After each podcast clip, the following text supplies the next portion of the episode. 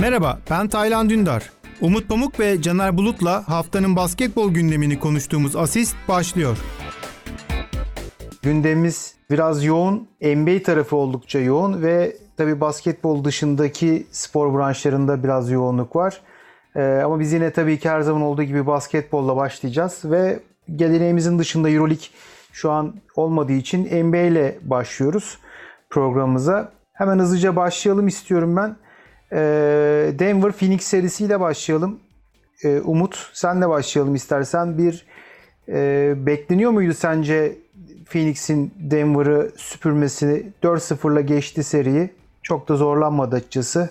Monty Williams'a sorsalardı 4-0 geçeceğin, geçeceğinize inanıyor musunuz diye ne derdi bilmiyorum herhalde. E, şey belki politik olmak adına tabii ki arzumuz o yönde derdi de onlar da bence şaşırmıştır. Ama Phoenix Suns müthiş bir sezon geçiriyor. Yani bu öyle sadece 1-2 haftalık bir mesele değil. Çok üstüne koyarak geliyorlar. Süperstar olma yolunda olan bir yıldızları var. Yani zaten adam saf yetenek Devin Booker. Point God e, kaç kişiye söylendi şu ana kadar hiç kimseye söylenmedi e, ve ünvanını son derece hak ediyor adam şarap gibi. Chris Paul eklendi.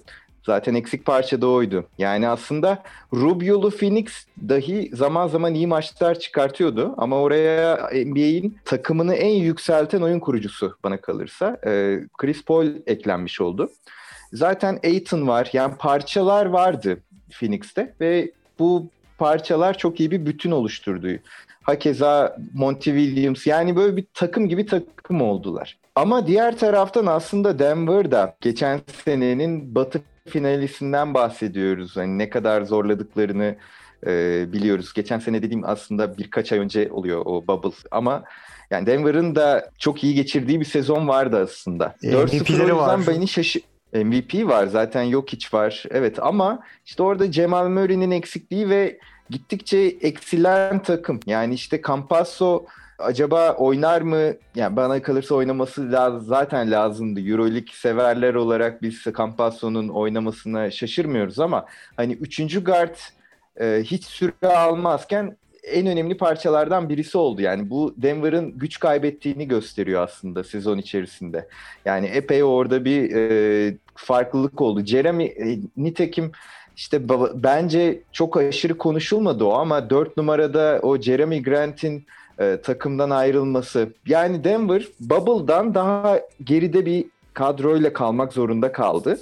Nitekim pilleri bitti. Öyle söyleyebilirim. Ama 4-0 beni şaşırttı.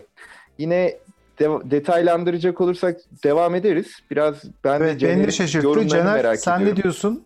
4-0 tabii şaşırttı çünkü yani zaten genel olarak Denver ve Utah belki de hani NBA'in en zor iki deplasmanı. İki deplasmanı hani Denver'da rakımdan da dolayı Utah'ta da biraz daha işte seyirci oradaki farklı bir hani kültürel etnik yapıdan da dolayı hani çok zor deplasmanlar olarak bilinir. Hani Denver seyircisi de e, tabii geçen yıl playoff'larda bubble'da oynandığı için hani uzun bir aradan sonra tabii biliyorsunuz hani Amerika'da e, aşı süreci iyi gittiği için hani seyirciler hani 15-16 bin oranında aşağı yukarı seyirci var. Yani seyircinin olduğu bir ortamda 4-0 ben de hiç beklemiyordum. Yani Chris Paul hakikaten yani yıllanmış şarap gibi hani 36 yaşına bastığı hani bu yılda ve artık hani istenmeyen adam noktasına gelmişken yani istenmeyen adam istenmeyen kontrat noktasına gelmişken yani Sam Preston'in hani Oklahoma'sının hani artık işte draftlar karşılığı hani almayı kabul ettiği bir adamken geçen yıl hani Oklahoma'daki performansından sonra Phoenix'in hani onu görüp bu genç takıma abilik yapıp hani yardımcı olabileceğini planlarken bir anda aslında hani takımın ana parçalarından biri haline gelmesi belki de işte o Phoenix'in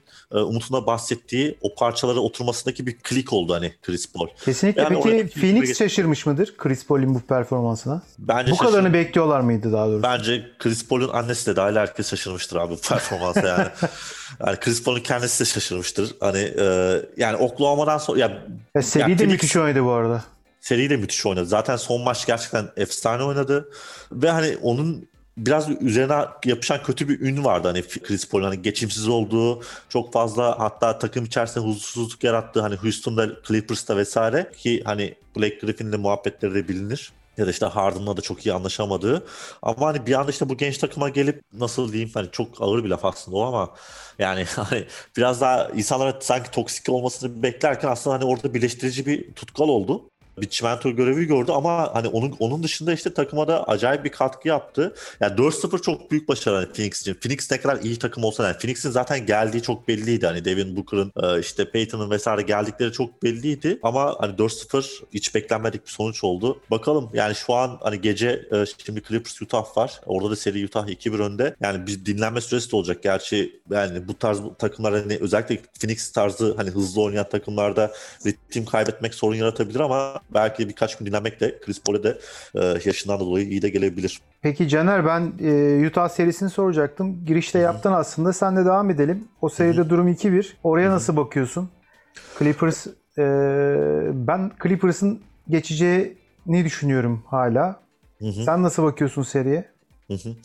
Ya orada da Donovan Mitchell çok formda. Ee, Clippers tarafında da zaten Kawhi hani son maç dışında yani şey zaten genel anlamda playoff'ta çok iyi performans gösterdi. Yani son son maç dışında daha doğrusu hani takımın hep en iyi performans göstereniydi.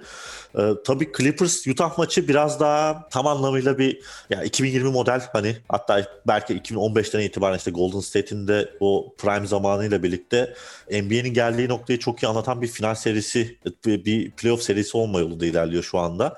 Yani son maç yani şu an Utah ligin e, en fazla şut atan takımı, en fazla üçlük atan takımı. Los Angeles Clippers'ta en fazla isabetli üçlük atan takımı. Geçen işte son maçta üçüncü maçın devre arasında iki takımın da aşağı yukarı devreye kadar 25 civar üçlük denediler ve %45-%50 arasında da isabet bularak geldiler. Yani inanılmaz bir üçlük trafiği vardı maçta ve yani öyle şut tercihleri var ki yani hani Avru- yani Avrupalı koçlara hani mesleği bıraktıracak üçlük tercihleri vardı yani. Çünkü genelde bu pace and space'in aslında doğru şutu bulmak ve hani doğru şutu atmak üzereyken Hani işte Damian Lillard, işte Curry, e, şimdi işte bunlara Donovan Mitchell ekleniyor. Hatta Paul George'un tercihleri, işte Kawhi Leonard'ın tercihleri vesaire. Yani çok acayip bir e, farklı bir seri var hani orada. Farklı bir basketbol oynanıyor. Genelde işte playofflar nedir? Hep fizikseldir. Hatta işte doğuya geçince birazdan işte neredeyse hani 90'lar böyle Chicago Miami, Chicago New York serisini hatırlatan bir üçüncü maç oynandı mesela Milwaukee Brooklyn'de.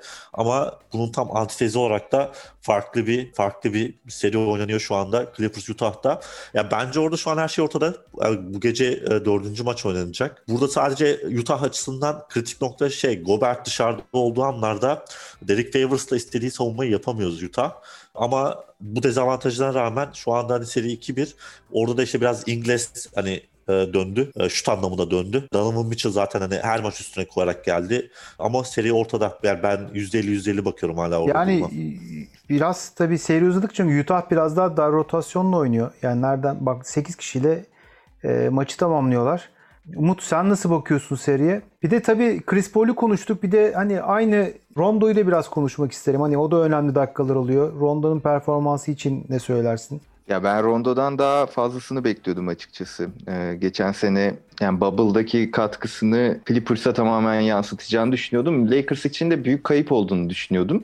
Nitekim Lakers e, doğruladı. Yani tamamen Rondo'ya falan bağlanamaz elbette onların yaşadığı sakatlıklar vesaire Lakers nezdinde eksik oldu. Rondo o kadar da farklı bir etki getiremedi bence e, Clippers'a. O seri bana kalırsa da ortada ve dördüncü maç çok önemli olacak Taylan. Yani dördüncü maçı e, Utah alırsa işi Utah'ta bitirebilir. Ama Clippers alırsa Clippers'a döner. E, tamamen orada bir Djokovic edasıyla e, rüzgarı arkasına alabilir Clippers. E, nitekim... Kawhi, Kawhi'nin e, yine bir fili macerası. Top seker seker seker. Hı hı. Ben sanki Clippers burayı öyle geçecekmiş gibi bir hissim var. Ben Konuşuruz zaten daha önceki daha önceki program ya ilkinde ya ikincisinde bahsetmiştim benim e, Batı finalinde yani finale çıkma adayım çıkacağını düşündüğüm takım Clippers başından beri orada çünkü Kawhi var ve Caner biraz önce önemli bir şey söyledi. Kawhi ilk defa bir maçın Clippers adına en iyi oyuncusu değildi ve o maçı kazandılar. Kawhi gerçekten çok yüzdeli oynuyor bu sene. Ya çok bölüyorum ama kusura bakma. Ben bir de ekleme, yap- sene- e- ekleme yapmak Tabii. istiyorum oraya. Son maç dedi Caner sadece ama ilk maçta da yanlış hatırlamıyorsam yani iyi bir sayı attı Kavay ama 28 sayı civarında bir sayısı vardı ama artı eksi puanla eksi 12 idi. Yani takımın aslında hani e, bunda bir sıkıntı yok tabii ki. Çünkü top onda sürekli o kullanıyor. Ama bu hani performansa baktığın zaman hani yüzde vesaire e, biraz sıkıntı da oldu ilk maçta da. Evet. Şimdi şeyden bahsetmiştin. 8 kişiyle oynuyor Utah. Orada Conley'nin dönüp dönemeyeceği, dönerse ne kadar iyi oynayıp oynamayacağı önemli. Yani e, Conley o takımın ilk beşinin önemli bir parçası. E, ve normalde 32-34 dakika ortalamasına bakmadım ama hani sağlıklıyken 30 dakika üzeri süre alan bir oyuncu. O dönerse, iyi dönerse tabii Utah için önemli bir faktör olacak. Çünkü o zaman İngiliz'i bench'ten getirebiliyorlar ve farklı kullanabiliyorlar. Kısa rotasyonu genişleyecek. Çünkü şu anda Jordan Clarkson da e, gereğinden fazla süre alıyor. Ya özetle çünkü Caner iyice anlattı. E, enteresan bir seri oluyor ve orada da yani o kadar dışarıda oynanıyor ki oyun. Hani Gober dışarıdayken dahi yine de şey çok fark etmiyor. Penetre o kadar fazla yapılmıyor. Ya zaten Clippers'ta da Zubac hiç oynamazken ya hep Marcus Morris'le e, oynuyorlar. İşte kısa beşler daha çok tercih ediliyor e, Clippers'ta. Bilemiyorum yani ama geçen takım e, çok diri bir Phoenix'le oynayacak. Evet orada bir ritim kaybı olma ihtimali var Phoenix Suns adına elbette. Ama diğer taraftan da eğer e, uzun bir seriye gidecekse final serisi batı finali Phoenix avantajlı olacaktır o noktada da. Yani tabii kaçıncı maçta biteceği e, önemli bu e, Utah Clippers serisinin. Merakla bekliyorum ama ben Kawhi'nin e, ağırlık koyacağını düşünüyorum. Yani biraz daha Clippers lehine gör, görüyorum. Dördüncü maçı kazanırlarsa götürürler diye düşünüyorum. Kawhi biraz kokuyu aldı ya. Kanlı'da sakatlanınca hani o kokuyu aldı yani. O çok belli. Hemen oraya bağlayacaktım ben de zaten. Dün akşamki maçta devam edelim. Bu arada biz program kaydını 14 Haziran'da alıyoruz. Ee, muhtemelen yarın montajı yapılır 15-16 Haziran'da da yayına vermiş oluruz. Dün akşam Milwaukee maçı vardı. Kyrie de maç sırasında sakatlandı. Gerçi sakatlandığı ana kadar da hani e, Brooklyn iyi gidiyordu ama e, Milwaukee'de geri gelmişti hatta öne geçmişti. E, o şeyi de arkasına almıştı rüzgarı. E, maçı da kazandılar. Yannis iyi oynadı Umut ne diyorsun? yani maçlardan önce Umut Acaba benim hakkımda konuştum diye bakıyor muhtemelen ona göre oynuyor. Yani ne kadar iyi oynarsa oynasın ben şey deyip devam ettiriyorum adam şampiyon olacak filan yani. ee, bilemiyorum ya. Dönüşlerini beklemiyordum. Bir önceki programda da onu söylemiştim ben. Brooklyn'in rahat geçeceğini düşünüyordum. Yani 5. maçta. Bu arada maç da... içinde de dönüşleri var. Yani dün e, iki maçta da Brooklyn iyi başladı. iyi gidiyordu aslında. Yani Tucker'ın evet. iki tane çok kritik üçlüğü var baseline'dan dipten. Ee, evet. sonrasında Yannis'in bir iyi oyunu var. Evet. Zaten Kyrie'nin sakatlanmasından sonra da e, toparlayamadı Brooklyn. Yani işte şimdi Kyrie bir de bile yani sıkıntılı bir sakatlık. Ee, umarım çok uzun zaman kaybetmez. Ee, Harden hakeza şimdi sadece Durant'e yüklenecek eğer ikisi de oynayamazsa. İşler kötüye gidiyor Brooklyn için. Yani şimdi 2-0 geriden gelen e, Milwaukee'de bir momentum kazandı elbette ve yani şeyde 5. maçta Milwaukee e, arkasına rüzgarı almış durumda. Brooklyn'in kadro derinliğine bakacak. Yani o e, üçlünün oynadığı bir Brooklyn'le karşılaştırsak ben hep başından beri Brooklyn'in çok ağır bastığını, basacağını düşünüyordum Milwaukee'ye karşı ama şimdi eksildiler. Bilemiyorum. Bakalım yani Durant'in de yine e, tek başına dahi olsa maçı alabileceğini biliyoruz. Yani Brooklyn'i taşıyabileceğini de biliyoruz ama 5. maç tam kırılma maçı olacak gibi görünüyor. Caner ee, sen ne diyorsun? Yani Yannis de tek başına maç alacak gibi gözüküyor tabii Durant'in karşısında. Sen seriye nasıl bakıyorsun? Ben de işin açıkçası serinin tekrar Brooklyn'e 2-2 e, döneceğini tahmin etmemiştim. Hani 3-1 döner ve 5. maçta e, Brooklyn işi bitirir gibi geliyordu ama yani tabii basketbolun daha doğrusu hani sporun içerisinde her zaman zaten hani en güzel yani bu maçları bu kadar güzel yapan şey de o bilinmezliği. Burada tabii Kyrie Irving'in sakatlığı biraz daha durumu farklı bir şekilde etkileyecek. Ya zaten Harden seride hiç oynamadı. Yani sadece bir 45 saniye oynadı ilk maçta. Şimdi Irving'in de bilek sakatlığı. Gerçi sabah ben baktığımda e, haberlere hani ilk ilk sonuçlarda hani çok bir şey çıkmamıştı negatif. Hani 5. maç olmasa bile 6. maçta dönebilir gibi konuşmalar var. Ama hani burada 4. maç dışında hani o sakatlığa gelmeden önce biraz aslında 3. maçta hani Milwaukee'nin ne yapmaya çalışması ne yapmaya çalıştı hani Milwaukee onu konuşmak lazım. Hani Milwaukee gerçekten bir böyle 90'lar e, Doğu NBA playoff'u havası yarattı yani hani ve yani o Brooklyn takımına biraz hani onlardan nef hani nefret edecek şekilde ve çok da işin açıkçası Brooklyn'e çok hani ezerek de yendi iki maçta da Brooklyn'de. Hani Milwaukee'de e, bir maç kaybettiği anda sezonun bittiğini bildiğinden dolayı biraz aslında can havliyle belki de playoff tarihinde uzun süredir de görmediğimiz çok düşük skorlu bir maç bitti. Yani toplam sayıda hani 180 sayı bile olmadı hani maçta. E, iki takım da 90'ı bile geçemedi hani o gün. Yani Milwaukee biraz daha işi fiziksel boyuta çevirdi. E, dördüncü maçta işte evet yani senin de dediğin gibi hani maç içerisinde de geri dönüşler yaşıyor hani Milwaukee. Ya biraz aslında güven boşluklarını sanki seyirci dolduruyormuş gibi hani Milwaukee'de. Milwaukee seyircisi de genelde hani çok sessiz durmayı sevmez.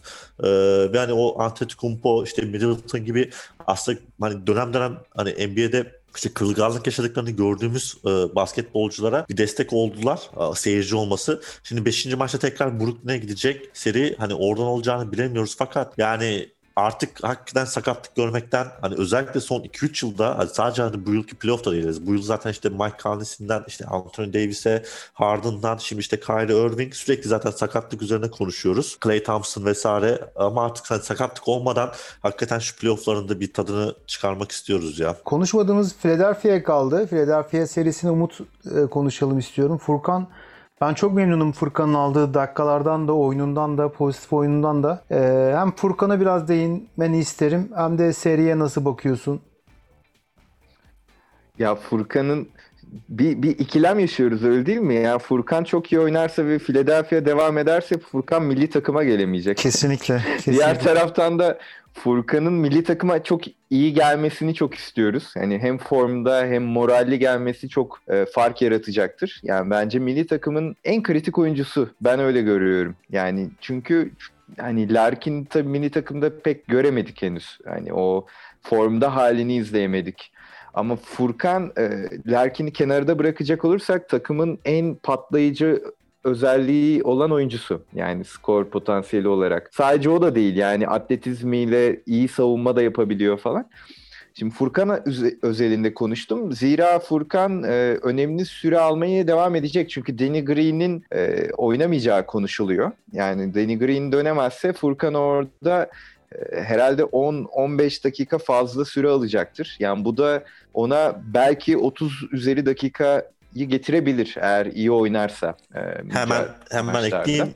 Abi sözünü kestim de bu gece de ilk 5 başlaması bekleniyor bu arada Furkan'ın Atlanta maçında. Evet yani ilk 5 veya dışa, dışarıda yani kenardan gelmesi çok önemli değil bana kalırsa. Ee, ama işte orada bir ana rotasyonun parçası olacak. Hani ben bir önceki programda bundan bahsetmiştim yani olamıyor diye. O şans geldi tekrardan. E kendisi de kötü oynamıyor. Nitekim e, bir önceki maçta da bir, o patlayıcılığını çok net gösterdi. Çok arka arkaya yani bir T-Mac'e dönüştü bir anda. Hani tabii 35 saniyede 13 sayı değil ama yine de e, çok önemli katkı sağladı. Philadelphia özelinde bakacak olursak da orada Embiid müthiş oynuyor. Yani çok domine ediyor. E, onda bir de şey de var bence. İşte MVP olamamak, hani MVP seçilmemesi çünkü e, kendisinin hak ettiğini söylüyordu ve hayal kırıklığını e, nitekim belli etmişti.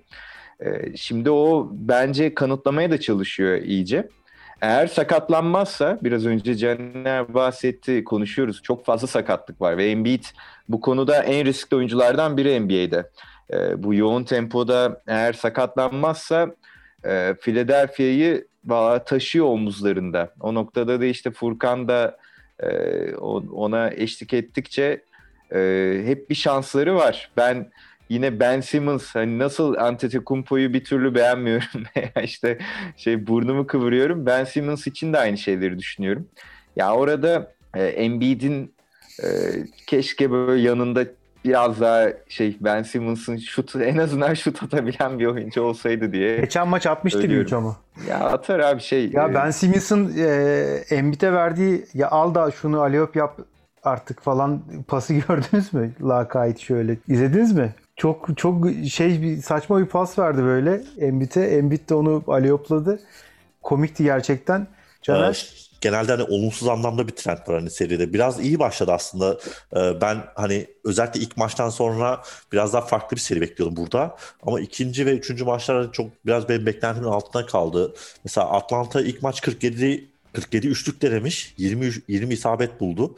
27 isabet buldu galiba pardon. Sonra 30 üçlük deniyor 11 isabet buluyor ve üç, geçen en son maçta da yani 3. çeyrekte 16 üçlük falan denemişti. Yani aslında bir hani ge- kötü giden bir trend var.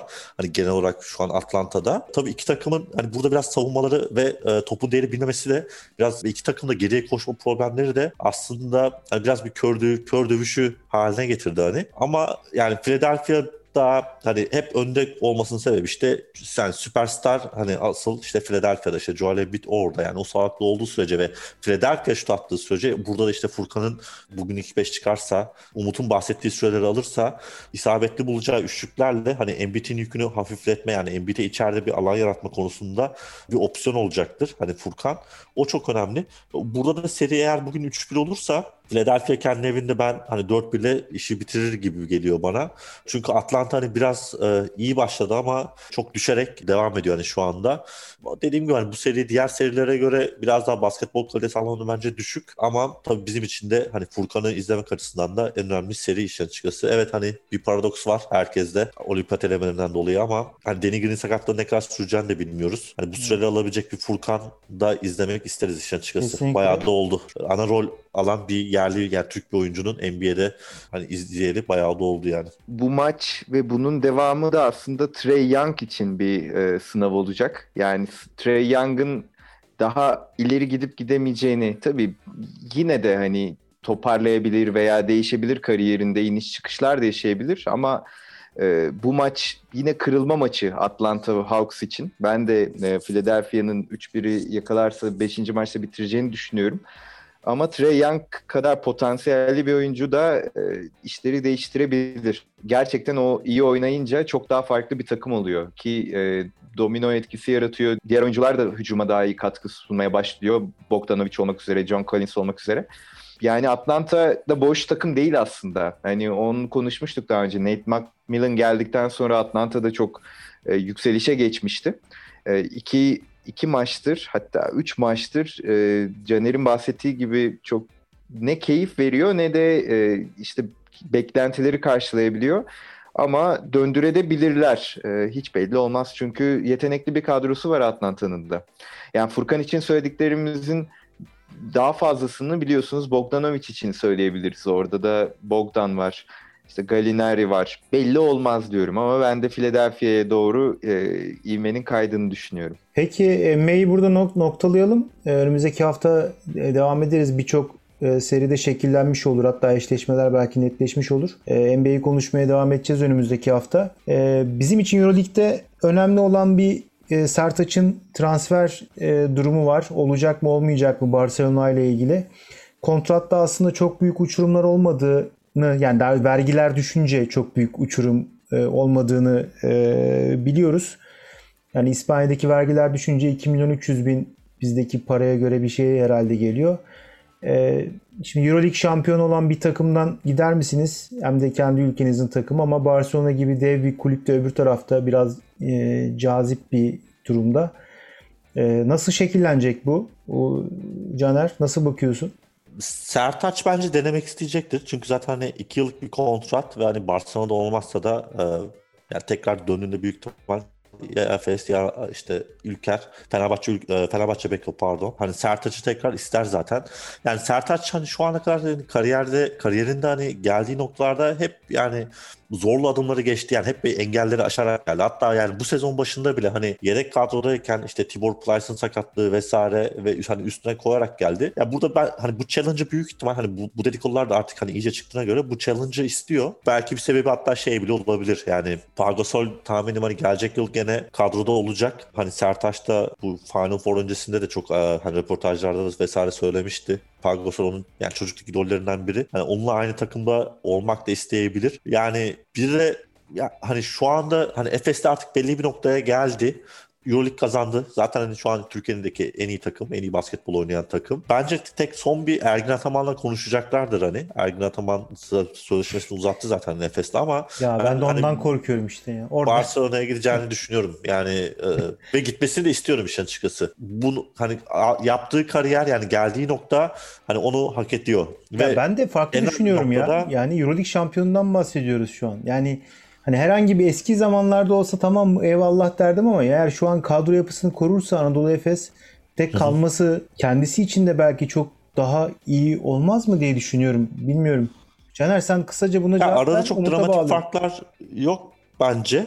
Bence Barcelona'da Sertaç gibi uzun yok bu arada. Barcelona aradığı bir uzun. Hani Sertaç stili. Bence zaten son bir Ergin Ataman'la kesin konuşacaklardır ama hani buraya kadar geldiğine göre nokta hani İsmail Şenol verdi galiba haberi. Yani yüksek ihtimal gidiyor gibi gözüküyor. Küçük ekleme yapayım. Ee, Ergin Ataman 2-3 gün önce okudum Ergin Ataman sanki sitemli konuşmuş gibi benimle konuşmadı diye. Bir de Taylan senin dediğin gibi işte Euroleague şampiyonundan gidecek giderse yolu açık olsun gibi bir yaklaşımla yaklaşabilir o Sertaç'a.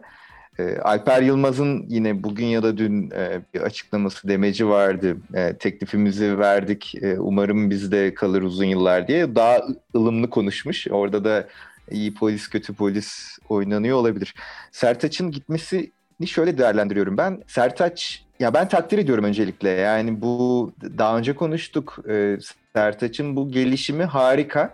Ve Efes'ten gitmek istemek demek yani konfor alanından çıkmak demek. Yani ve konfor alanı da Taylan dediği gibi bir Euroleague şampiyonu. Kendini adapte ettiği harika bir sistem var. Ona güvenen oyuncular, ona güvenen koç var. Buna rağmen gidiyorsa yani bence eyvallah deyip hani takdir etmek gerekir ki Barcelona gibi bir takıma gidiyor. Yani giderse müthiş belli olmaz. Belki Mark Gasol de gelecek. Orada Brandon Davis de var. O zaman tabii rotasyon iyice karma karışık olacak ve muhtemelen çok az süre alacak Ser e, Sertaç öyle olursa. Ama buna rağmen yani böyle bir mücadele istiyorsa Sertaç çok akıllı bir insan. Saygı duymak lazım. Yani dediği gibi Caner'in en fazla geri döner. Tabii geri dönerse Ergin Ataman onun yani o zaman onları konuşuruz. Şu anda bunları düşünmeye gerek yok. Ee, ama ACB liginde oynayıp Barcelona ile Euroleague şampiyonluğunu hedefleyip ki e, Yaskevicius konuştuk hiç boş bir yapılanmaya gitmiyor. Yani onlar da e, contender olmak isteyen bir takım. E, giderse yolu açık olsun. Çok da desteklerim. Kalırsa da sevinirim. Yani hem e, aynı süreleri al, almaya devam edeceğini biliyoruz. Çünkü kalırsa aşağı yukarı ne olacağını biliyoruz. Tabii Mitch için Larkin'in kaldığı bir ortamı düşünüyoruz. Yani e, onunla oynamaya e, alışmış, onunla uyum sağlamış oyuncuların olduğu bir ortamda Sertaç'ın kaldığını varsayarak konuşuyoruz. Ha yine kendini kabul ettirir sonuçta 2-3 e, yıldır üstüne koyduğu bir performans var. Ama evet, bilemiyorum. kazıya kazıya geldi aslında evet. e, bu duruma. E, aslında bunları konuşmak iki e, büyük takım arasında bunları konuşuyor olmak bile e, kendisi için bir onur kaynağı bence. Kesinlikle. Basketbol gündemimizi bitirelim bu program için isterseniz. Evet Umut bir şey mi ekleyeceksin? Bitirmeden önce şeyi söyleyelim mi ya? Aslında e, İtalya ve Almanya ligleri sonlandı ve İtalya Ligi e, de çok büyük bir sürprize sahne oldu. Yani tabii, hiç tabii. kimse hiç kimse Teodos için olduğu bir takımın şampiyonluğunu sürpriz olarak nitelendirmez elbette. Yani onun için almışlardı ama e, 4-0'la Milano'yu yani Euroleague e, takımını ya Euroleague Final Four takımını üçüncüsünü geçtiler 4-0 ve e, o büyük bir sürpriz oldu. Hiç kimse beklemiyordu o 4-0'lık seriyi. Nitekim bir de şöyle bir e, yani bahsedilmesi gereken diğer bir olay da e, Avrupa Ulebi ka- ka- kazanamayınca Bologna e, Djordjevic'in kovulması gündemdeydi. Yani kovulmamasını hatta işte Teodosic'e falan bağlamışlardı. Kovulmadı ve o takım yani Djordjevic'in takımı Messina'nın Milano'sunu İtalya'da şampiyonluğu net görülen, garanti görülen takım 4-0 geçti. Daha önceki programda bahsetmiştim ben çok merakla bekliyorum bu seriyi. Hani Teodosic e, Messina eşleşmesini yani tabii yani bireylere indiriyorum şu anda ama hani Bologna'nın en önemli e, şahsiyeti Djordjevic değil, koç değil. Orada Teodosic gerçeği var. E, Milano'da da Messina gerçeği var. 4-0'la geçti. O çok enteresan.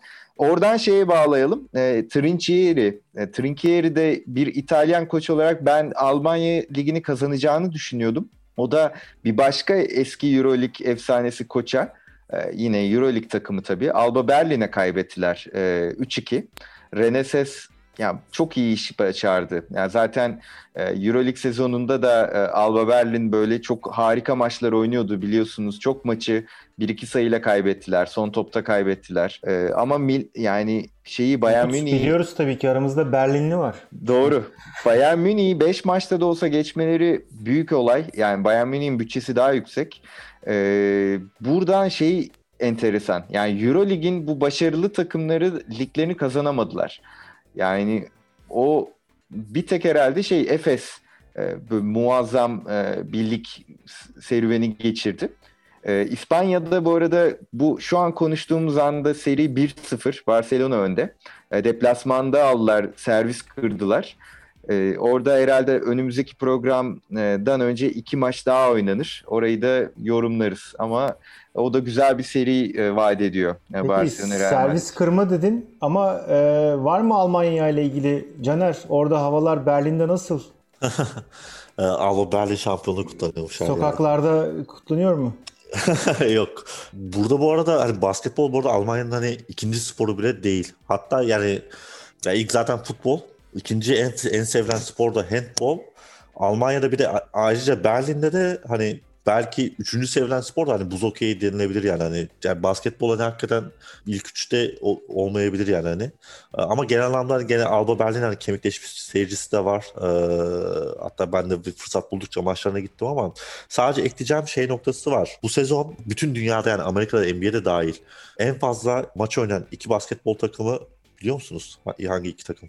Hayır. Birincisi Olimpia Milano, ikincisi de Bayern Münih. Milano 90 maç oynamış bu yıl. 90. maçını oynadılar. Bayern Münih de 88. maçı oynadı. Mesela Efes 79 maç oynadı mesela bu yıl. Ya da işte şu an mesela Real Madrid Barcelona çekişiyor. Barcelona 85. maçını oynadı. Real Madrid 84 maç oynadı. Yani çok yoğun bir tempodan çıktı hani bu takımlar. Ve bence biraz aslında hani özellikle İtalya'da biraz onun etkisini gördük. Özellikle hani Milano Barcelona serisinden sonra zaten çok yalpalayarak geldi hani oraya. Ha, yani Bayern Alba Berlin serisi biraz daha hani rekabet yüksek seviyede oldu. Hatta orada 7-8 Haziran'da back to back maçta oynadılar. Belki hatta o Bayern'e Alba'ya olandan daha büyük zarar da verdi bence burada. Ama hani genel anlamda ben biraz da hani bunun şey ya biraz bu iki takımın hani ekstra yorgunluğuna da bağlıyorum. Hani artık hani 90 maç yani çok yüksek seviyede maçlar oynandı iki takımda. Hani iki takım da zaten playoff'a kaldı hani Euroleague'de. Biraz da ona bağlıyorum. Ee, bu arada sonda şey hatta bugün daha okudum. Eurohoops'ta e, Teodosic'i e, ile Efes'te ilgileniyormuş bu arada. Hayırlı olsun diyelim. Hayırlı olsun Önümüzdeki diyelim. e, haftalarda konuşuruz bu şekillenirse. Servis kırmaktan bahsettin Umut. Ee, Roland Garros'a bağlayalım buradan. Hadi basketbolu biraz bırakalım bu programda. Ee, Djokovic, çok sevdiğin Djokovic e, final maçında 2-0'dan e, iyi bir geri dönüşle 3-2 kazandı. E, neler hissettin o an? Ne yazık ki. Ya evet, e, Djokovic beni öyle hislere götürüyor ki Taylan, Caner. Yani böyle Djokovic beni Nadalcı yaptı. E, hiç değildim. E, Djokovic beni dün e, Çiçipasçı yaptı. İşte birkaç birkaç gün önce Musetti. Yani böyle kiminle oynasa e, ve böyle yenilme ihtimali olsa onu destekliyorum. Hani maçlarını da çok yakından takip ediyorum. Ee, çok yani 20 yıldır çok sıkı bir Federer hayranıyım. Orada da bir böyle takımdaşlık gibi.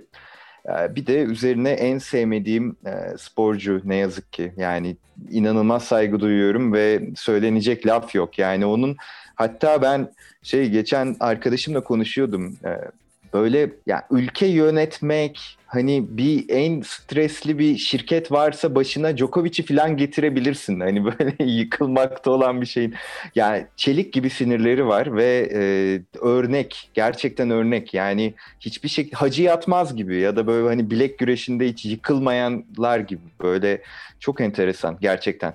Orada tabii enteresan şeyler var. Ben çok yakından takip ettim turnuvanın başından sonuna kadar.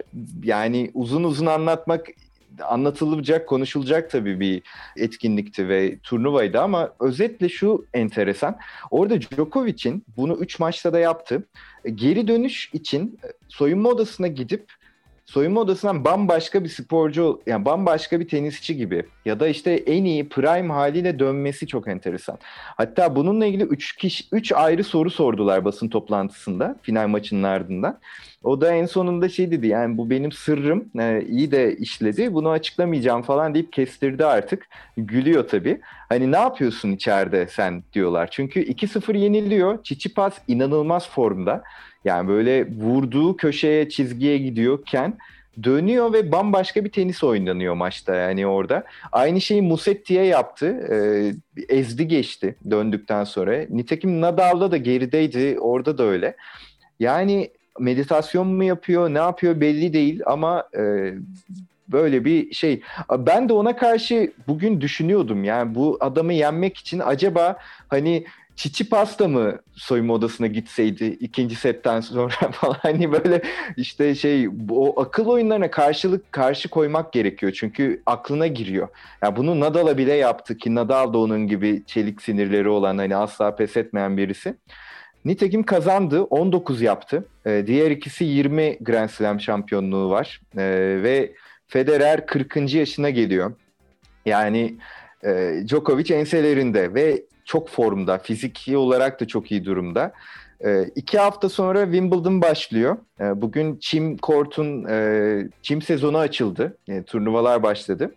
Şimdi Djokovic de onu çok eleştiriyor bu arada. Yani şey e, şampiyon oldum bugün. iki hafta sonra Wimbledon maçım var. E, ve iki yani şey gibi geceyle gündüz gibi iki farklı kort. Çim kortla toprak kort. O enteresan olacak o geçiş. Yani biraz önce Caner çok önemli bir veri paylaştı. Ben bilmiyordum o rakamları. Ee, bu, bu tenisçiler için daha fazla. Bakmak lazım. Yani o üst düzey tenisçiler acaba kaç maç oynuyor? Yani onlar da tarihin en fazla maç oynadığı sezonu geçiriyorlar. Ben Wimbledon'ı böyle şey hatta basketboldan da daha büyük sabırsızlıkla bekliyorum. Onu Peki da ben Djokovic ile ilgili e, bir, bir şey ekleyeyim. Yani çelik gibi sinirleri dedin, meditasyon dedin. E, bunu ilerleyen programlarda yer geldiğince konuşmak isterim. E, ben de e, bu enerjisini e, vegan olmasına bağlıyorum.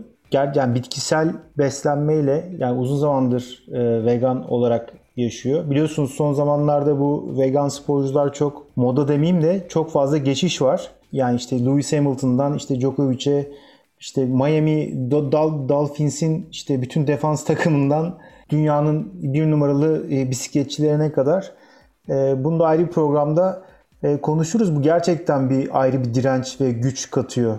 Yani bu hani çok fazla et temelin protein kaynağı olması, iyi protein kaynağı olmasının bilgisinin yıkıyor aslında bu sporcular teker teker. Bunu bir detay olarak söylemek istedim sadece. Taylan acaba soyunma odasına gittiğinde brokoli mi yiyordu? Acaba sen böyle işte ortaya bir iddia atsan dünya karışır mı? Çünkü herkes şu an onu bekliyor. Bir şey yapalım. Ee, tweet at da onu bir be soyunma beğenelim. değil ama yani bu bu beslenme programları bu adamlar için çok önemli. Bak final maçı 4 saat 10 dakika sürdü.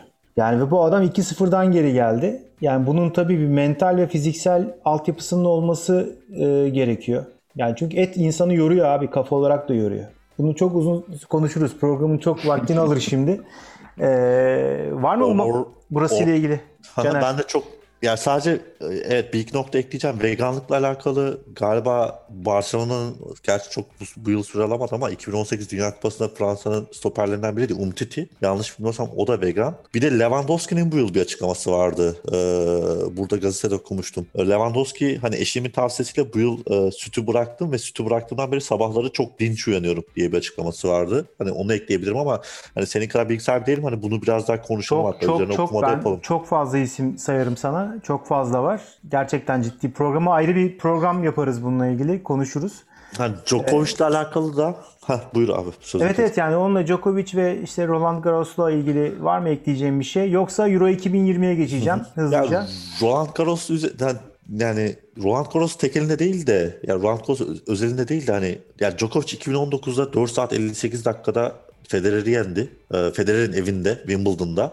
Burada da yarı finalde hani Nadal'ın evinde Nadal'ı yendi. Ya onu soracaktım aslında. Yani evet, ya Nadal aslında yani 20-20-19'lar ve hani herhalde üçü de bıraktığı anda gözüken o ki hani Djokovic Grand Slam sayısında ikisinden de daha yukarıda olacak gibi gözüküyor hani şu anda ki performansıyla en azından hani büyük bir sakatlık yaşamazsa. Ya Umut sen bizden biraz daha e, iyi takip ediyorsun. E, Nadal'ı toprak kortta yenmek de ayrı bir meziyet. Nadal biliyorsunuz. Ne diyeyim yani kelime toprak- bulamadım, sıfat bulamadım.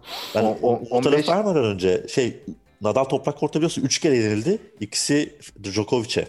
Yani ve ikisine de hani orada yani ya bütün hani kariyeri boyunca 3 kere yenildi yani hani adam toprak kortta. Ve hani 2021'de işte şimdi şampiyon olamadı. Yani Djokovic de sadece son bir şey söyleyeceğim. Hani e, bütün Grand Slam'leri en az iki kere kazandı ve dediğim gibi hani bu 2019 ve 2021 tamamıyla mesajdı yani. Hem Djoko hem Nadal'a ben de hem de Federer'e ben de büyük Federer'ciyim.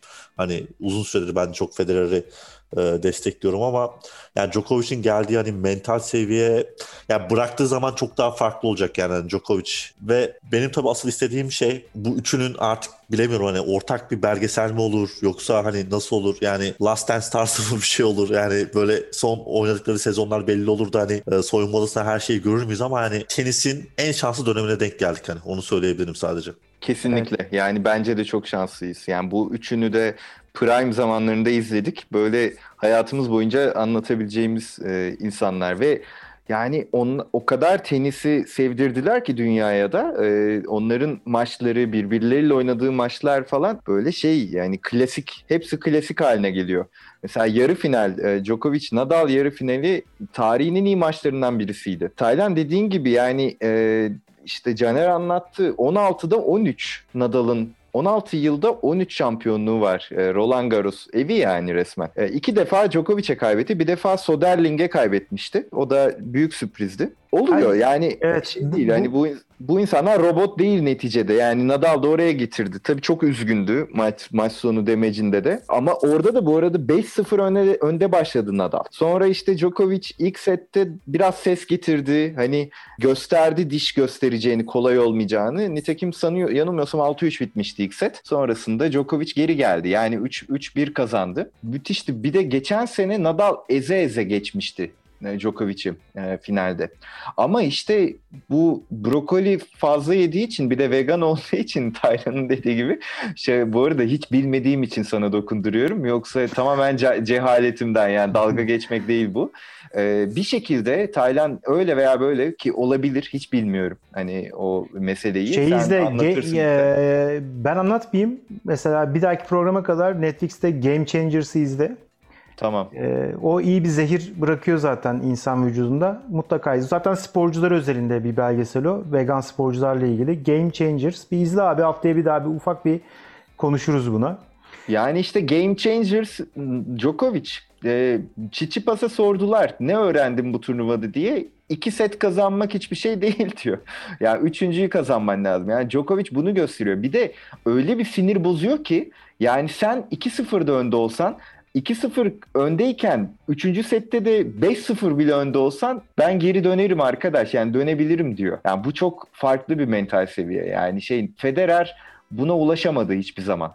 Ee, Nadal öyle. Yani Nadal da son saniyeye kadar bırakmıyor ama bambaşka bir seviyeye getirdi Djokovic. Umarım kazanamaz Caner. Ya umarım önde bitiremez yine de. Ya orada umudumuz şey işte İtalyanlar çok genç, çok pis geliyorlar ama daha onların var. Yani o Musetti, Sinner bunlar 19 yaşında. Ee, orada işte Tsitsipas çok yaklaşmıştı. Seviyesi de çok yüksek bu arada son zamanlarda. Medvedev Amerika'yı kazanabilir. Medvedev ile Tsitsipas Wimbledon'da zorlayabilir. Artık şey hani Federer'le Nadal olmuyorsa ben o team geri gelsin işte Medvedev olsun Tsitsipas olsun yeter ki şu Djokovic geçemesin istiyorum Federer'i. Bakalım yani bu, bu arada keyifli oluyor bence arada böyle farklı spor dallarını da ekleyelim Evet, programa. Ya ömrü hayatımızda dedin bir şeyin de hani en iyi jenerasyonunu görmüş olalım ya. Yani Evet. tenisin herhalde öyle ama eskiden de iyiydi. Şimdi düşünüyorum hani işte, işte Stefan Edberg'ler, Boris Beker'ler, Andre Agassi'ler onların da arasında iyi bir rekabet vardı. Yani Ha, bu- kadın bu- kadın bu kadın tenisinde de seviye. vardı. Yani- onu söyleyecektim ben de Caner. Yani bu e, herhalde top seviye. Yani çok yüksek ihtimal hani Nadal'ın adı Nadal yani tenisi bıraktığında hani Roland Garros'taki kortlardan birine verilecek yani hani bu bu kadar böyle bir seviye yani hani Ee, bu Evet. hakikaten çok farklı bir seviye. Umarım hani bu seviyeyi biz hani ya bu kadar işte dijital artık platform var şey var hani bunu bir bu seviyeyi dediğim gibi hani izleriz yani hani e, hani göz kırpmadan da izlenir. Çok özür diliyorum. En kötü ihtimalle şey fırsatçı bir televizyoncu yani bunu yakalamalı çünkü bu arada şey aralarında da hate love diyeceğim de love hiç yok. bu arada şey hani Nadal da çok Federer de nefret ediyor. Yani öyle açık açık biz nefret ediyoruz diyemezler elbette. Bunlar en büyük Djokovic biraz daha farklı bir yerde Nadal ve Djoko- Federer'e karşı. Djokovic'in bir de şöyle bir şey var. Uzattım ama çok kısa söyleyeceğim. Djokovic ne yaparsa yapsın sevilmiyor ya. Hani o bir kötü karakter meselesi de var. O da muhtemelen o mental o çelik gibi sinirlerini besliyor. Yani oradan besleniyor. Hani tam tersi olur başka insanlar. Ee, o da olabilir. Ama bence kesin yapılır onların belgeseli. En kötü ihtimalle o rekabet üzerine. Hiçbir şey olmasa Acun filan yapar. Eksen yapar yani. Bir şey olur orada. Ya Peki. Ya şey de Djokovic de tabii yani mental yapısı çok konuşuluyor da yani Djokovic'e geldiği ülke, geldiği işte etnik kökenle vesaire yani iç savaş görmüş bir hani Djokovic ya da ailesi iç savaş yaşamış biri. Yani onun getirmiş olduğu hani o mental güç hakikaten hani Federer ve Nadal'da hiç, hiçbir zaman için olmayabilir yani. Çünkü hani bu maç elde edilebilecek bir şey değil gibi gözüküyor yani Djokovic'te olan şey. Yani büyük ihtimal o iç savaşında ya da çocukluğunda yaşadığı şeylerin de ben etkisi olabileceğini düşünüyorum hani Djokovic'le alakalı. Evet. Ya genelde de zaten maçlarında da hep aslında işte kendi ülkesinden en insanların aslında işte Serbia against the whole world yani yani Djokovic maçlarında hep Sırbistan bütün dünyaya karşı aslında bu, o biraz şey mottosuna geldi. Yani Djokovic bütün dünyaya karşı gibi mottoyla geldi oturdu yani. Buradan Euro 2020'ye bağlayalım. Öncelikle geçen maçta da konuşmuştuk. Ben ümitliydim açıkçası. Herhalde ben büyük hayal kırıklığına uğradım. Siz İtalya'nın rahat kazanacağınızı zaten dillendirmiştiniz özellikle Umut ama ben umutluydum Umut. Ama şöyle söyleyeyim. Beklediğim oyunu sahada göremedim. Yani ben bu milli takımın, bu çocukların, bu jenerasyonun oyununun bu olduğunu düşünmüyorum. Tamamen bir taktiksel hata dolayısıyla kaybettiğimiz, en azından bu şekilde kaybettiğimizi düşünüyorum. Yani sonuçta İtalya mükemmel oynadı, top göstermedi bize. Ama baktığınız zaman bu kadar da değiliz biz. Yani en azından ufak bir konuyla bağlayayım. Şimdi bütün takımları izliyoruz. Ee, artık kale vuruşundan itibaren her takım setlerini, e, kale vuruşu setlerini, taktiklerini e, ortaya koyarak başlıyorlar. Biz her topu yani kale vuruşunu dahi uzun toplu oynamayı kabul edemiyorum işte. Yani bunu bunu bile çalışmamışsak eğer orada bir taktiksel sıkıntı olarak görüyorum. Yani en basit yöntemiyle Karadağ, e, şey, pardon Makedonya bile bunu e, aşağılamak için söylemiyorum. Hani takım yapısı olarak söylüyorum. Bunu çalışmış ve e, buradan setleriyle e, çıkabiliyorlarsa ve biz bunu yapamıyorsak ki bu jenerasyonla yapamıyorsak hani dedik ya hiç daha iyi stoperlerimiz yoktu. Çağlar, Merih, Ozan hatta yani Liverpool, Juventus ve işte Leeds United değil mi? Yani bu adamlarla da bunu yapamıyorsak işte önlerinde Okay'la, Ozan'la vesaire bence taktiksel bir sıkıntı vardı. Yani yenilgi evet top göstermediler. İtalya çok iyi oynadı. E, Ama hiç kaleye gidemeyecek kadar da kötü bir takım değiliz biz. Bunu sorayım. Biraz hızlandıralım bundan sonrasında. Eriksen'e biraz konuşmak isterim sizlerle. Ee, aslında çok durağan gidiyor maçlar. Ben şöyle bağlayacağım onu. Yaşasın dikine oynayan e, takımlar diyeceğim. Hollanda maçı gerçekten e, çok iyi oynadı. İki takım da dikine ve istekli oynadığı zaman ortaya çıkan güzel futbolu da görmüş olduk. Böyle üç konu üzerinden en azından ilk hafta e, bağlarsak. E, öncelikle Umut nasıl bakıyorsun bizim İtalya maçına? Ya İtalya maçı hiç sürpriz olmadı. Ee, sürpriz olan bizim bu kadar silik oynadığımız Tayland tekrarlamaya gerek yok. Çok silik oynadık. Yani çok e, o maç o kadar sıkıcı ve o kadar böyle vaat hiçbir şey ve vaat etmedi ki bana ben e, ta, zaten konuşmalarımdan anlıyorsunuz. E, direkt Djokovic Nadal, Nadal maçını izledim. E, özel yani dönüp tabii bir yandan gözüm hep maç bizim maçtaydı ama hiç keyifli değildi. Ama İtalya tarafından bakacak olursak bence eğer bakmadım da yanılmıyorsam İtalya hiç yenilmedi 2020'de. 2021'de de 8 8 maçtır kazanıyor. Ee, ne zaman en son yenildiklerini bilmiyorum. Yani Mancini 28 gel- maç oldu. Ben de hemen ekleyeyim. 28 Mancini 28 maçta geldiğinden beri zaten yenilmiyorlar. Ee, bir de yani şey bu takım 4 e, Nisan'da yanılmıyorsam Çek Cumhuriyeti'ni 4-0 yendi. Yani böyle hani İtalya şey turnuva yaklaşınca bakıyordum, ilgileniyordum falan. İtalya'nın Çek Cumhuriyeti maçının ben özetini izledim sonra. Yani orada da hani top göstermemişler, orada da ezmişler. Ya biz Ya de İtalya- Almanya'yı yendik ama baktığın zaman. Ya e, Yani o işte bir Oluyor. bir Evet, biz. Fransa'yı Yani bu- yendik, Almanya'yı yendik, Hollanda'yı yendik. Yani bu son iki yıldır biz de iyiyiz. Ama işte biz e, istikrarsızız. Gittik sonra Letonya'yı yenemedik hazırlık maçında ya da Uluslar Ligi'nde çok kötü performansla gösterdik. Hayır, hiçbirimiz bu kadar ezileceğimizi, bu kadar silikleşeceğimizi beklemiyorduk. O açıdan büyük hayal kırıklığı oldu gerçekten de. Maçın Ama- skoru da değil yani. 3-0 bile problem değil. Ee, ama yani yani bu arada 25 şut falan yani bizim bir iki tane böyle yani çok hiç konuşmayalım bile. doğru doğru. Yani konuşulacak şey orada Azerbaycan ayağı.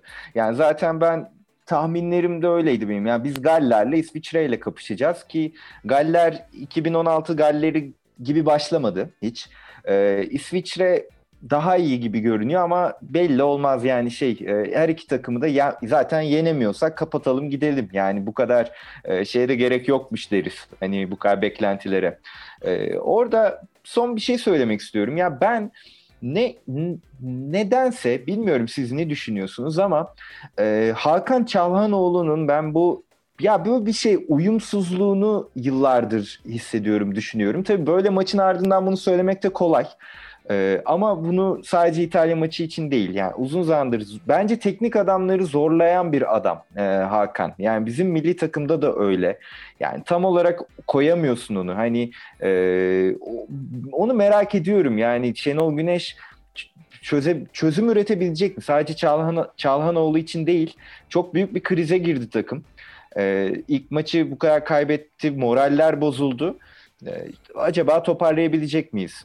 Yani turnuva genelini konuşur muyuz bilmiyorum ama ben şey yapmıyorum. Yani, Yani genelini konuşuruz e, ama ben de sana katılıyorum ama ben hep koçta koça kesiyorum e, faturayı. Yani bu maç Şenol Güneş'e yazar. Hani benim kafamda hep bu şu an. Doğru söylüyorsun Hakan özelinde ama hani hep sol e, kanatta oynatıldı Hakan milli takımda uzun süre. Evet. E, kendi pozisyonu değil.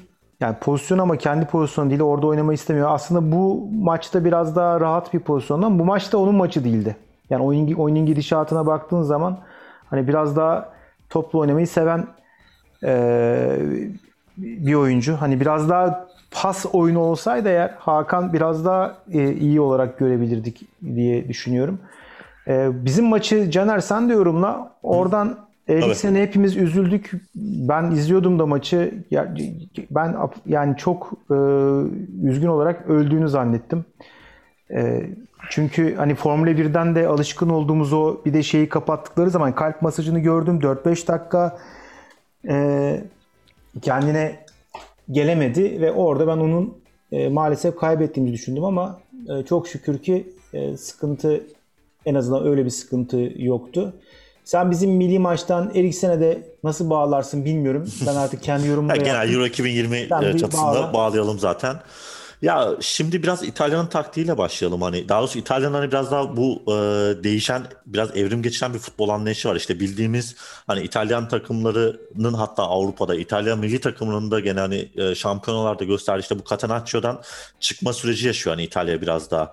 Yani aslında burada işte Almanya'nın e, Rumpenfußball'den hani Rumpenfußball nedir işte taktik ve teknik anlayıştan uzak futboldan biraz daha taktik ve teknik anlayış futbola yönelmesi. İşte İtalya'nın Catenaccio'dan çıkıp biraz daha işte dinamik, biraz daha hareketli, ön alanı hareketli, orta sahası hareketli, orta sahası progresif paslar yapan yapıya dönüşmesi. Artık e, Avrupa ülkeleri yani büyük işte futbolun ülkeleri yani bildiğimiz büyük ülkeler e, hatta İngiltere'de buna dahil hatta Fransa'da dahil belki hani bunlar onların üstüne yapışan doktrinleri bile geliştirip hani ikinci üçüncü doktrinlere gelmeye başladı ama hani biz artık hani hala aynı şeyler üzerinden konuşuyoruz ve hani genelde de bu tartışmayı kuramlar üzerinden ya da ekol üzerinden yapmak yerine kişiler üzerinden yapıyoruz. Biraz aslında sahada da onun yansıması oldu. Ya zaten evet hani en basitçe belki sokak söylemeyle hani İtalya'da İtalya'yı bir şampiyona da yenmek yani hani resmi bir şampiyona da yenmek zaten dünyanın en zor işlerinden biri. Yani hani Maradona 90'da yendi. Napoli'de adamlar 30 yıldır hala onu konuşuyor yani. O maçı Roma'ya alsaydık biz yener diye konuşuyor. Yani İtalya bir futbol ekolü ve hani son 10 yılda da bu dönüşümü sağladı.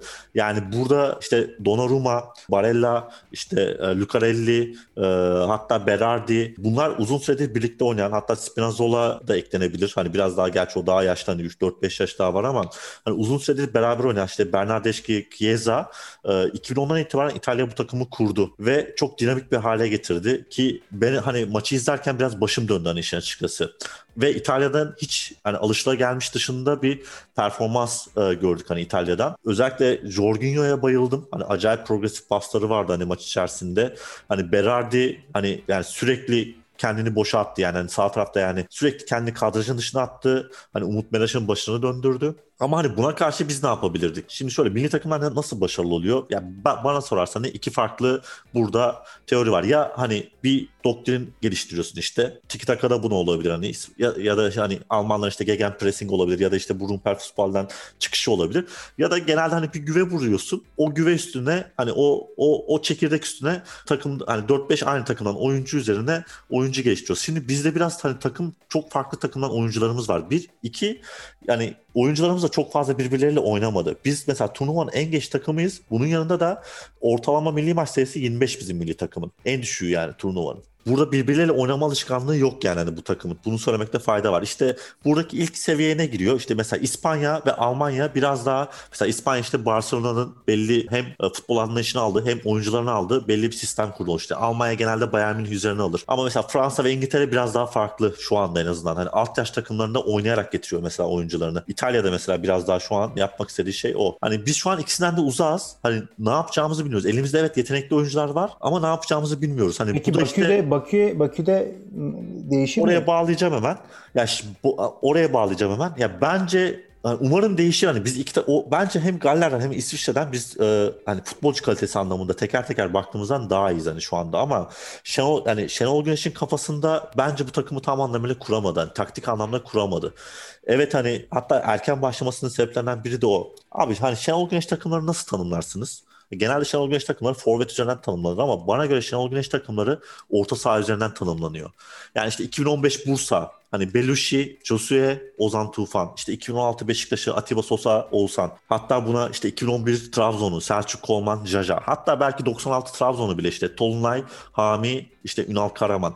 Genelde Şenol Güneş takımları hep orta saha üzerinden ve orta saha dinamizmi üzerinden bence tanımlanıyor. Ama hani milli takımda o üçlüyü bulamadı. Orta saha üçlüsünü bulamadı henüz Şenol Güneş. Hatta yani biz 3 gol yediğimiz Avrupa Şampiyonası elemelerinde bile yani son maça garantilediğimiz Avrupa Şampiyonası elemelerinde bile 10 maçta 9 farklı orta sahayla oynadı Şenol Güneş. Ben sana Ve- gerçek problemi söyleyeyim mi? Söyle tabii buyur. Kenara baktığında Necip'i göremiyor. özlüyor Necip'i özlüyor canım onun farkındayız da. Bir de Hakan'la olmaz. Bak bence de öyle. Yani, Yani, Hakan olup olması dışında bence kenara baktığında pasör bir oyuncu özlüyor abi Şenol Güneş. İstiyorken orada Beluş gibi bir pasör olsun. Selçuk İnan Ah, gibi bir pasör olsun. ah. Veya işte Prime olsan yani bu 15-16 gibi bir Oğuzhan olsun. Ve burada da hani İtalya'da İtalya'da biz hani bir pasör oyuncumuz yoktu bizim. Ya Chiellini'nin hani ısırtasını gördüm. Yani Chiellini sol stoper oynuyor. Zaten Spinazzola sol açık gibi oynadı. Neredeyse hani seviye olarak sağ açık olan Berardi ile aynı seviyede yani ısırtasında hani sağa yayılış şeklinde. Yani Chiellini hani orayı otoban haline çevirdi. Yani senin zaten iyi bir pas yapabilsen hani orta sahada hızlı bir şekilde direkt zaten hani Burak'a hani hızlı çı- çıkıp oradan Chiellini'nin arkasına koşu atacak şekilde pas atabilirdik yani. Biz zaten hani bir iki tane böyle pozisyoncumuz var. Orada da gene ya Cengiz'i kaçırdık ya Burak'ı kaçırdık. Ee, Ben İrfan'ın ilk 11'e döneceğini düşünüyorum çünkü tek pasör oyuncu o. Bu 9 oyuncu arasında hatta ikincisi de bence Orkun Kökçü ama o da çok büyük bir milli takım tecrübesi yok. Yani benim hala umudum var. Hani umutsuz değilim çünkü bunu kişiler üzerine tartışma yerine hani turnuva düşüp tekrar ayağa kalkma yeridir. Biz de zaten bu zamana kadar da hep yenilerek başlamışız. Hani kaybettiğimizde bir şey yok. Yani İtalya'yı yenseydik de bugün hani müthiş bir ülke olmayacaktı. Futbol ülkesi olmayacaktık. Evet. Ee, ya Eriksen'le alakalı da e, ya ben de izleyince zaten şok olduk hani hepimiz. Yani çok acayip bir şeydi. Çok fazla hani diyebileceğim bir şey yok. Hani ya büyük evet, çok fazla- hayatı da bitecek. Yani sadece evet hani hakikaten ama bir ders verdiler yani hani orada işte hasta yani gizliliği nedir? Hani özel hayat nedir? E, Danimarkalı oyuncular da onun bir dersini verdi aslında. Tüm Ben onun şeyine çok odaklanıyorum. Şu an onu takip edeceğim. Yani korona e, virüs geçirmişti e, Eriksen.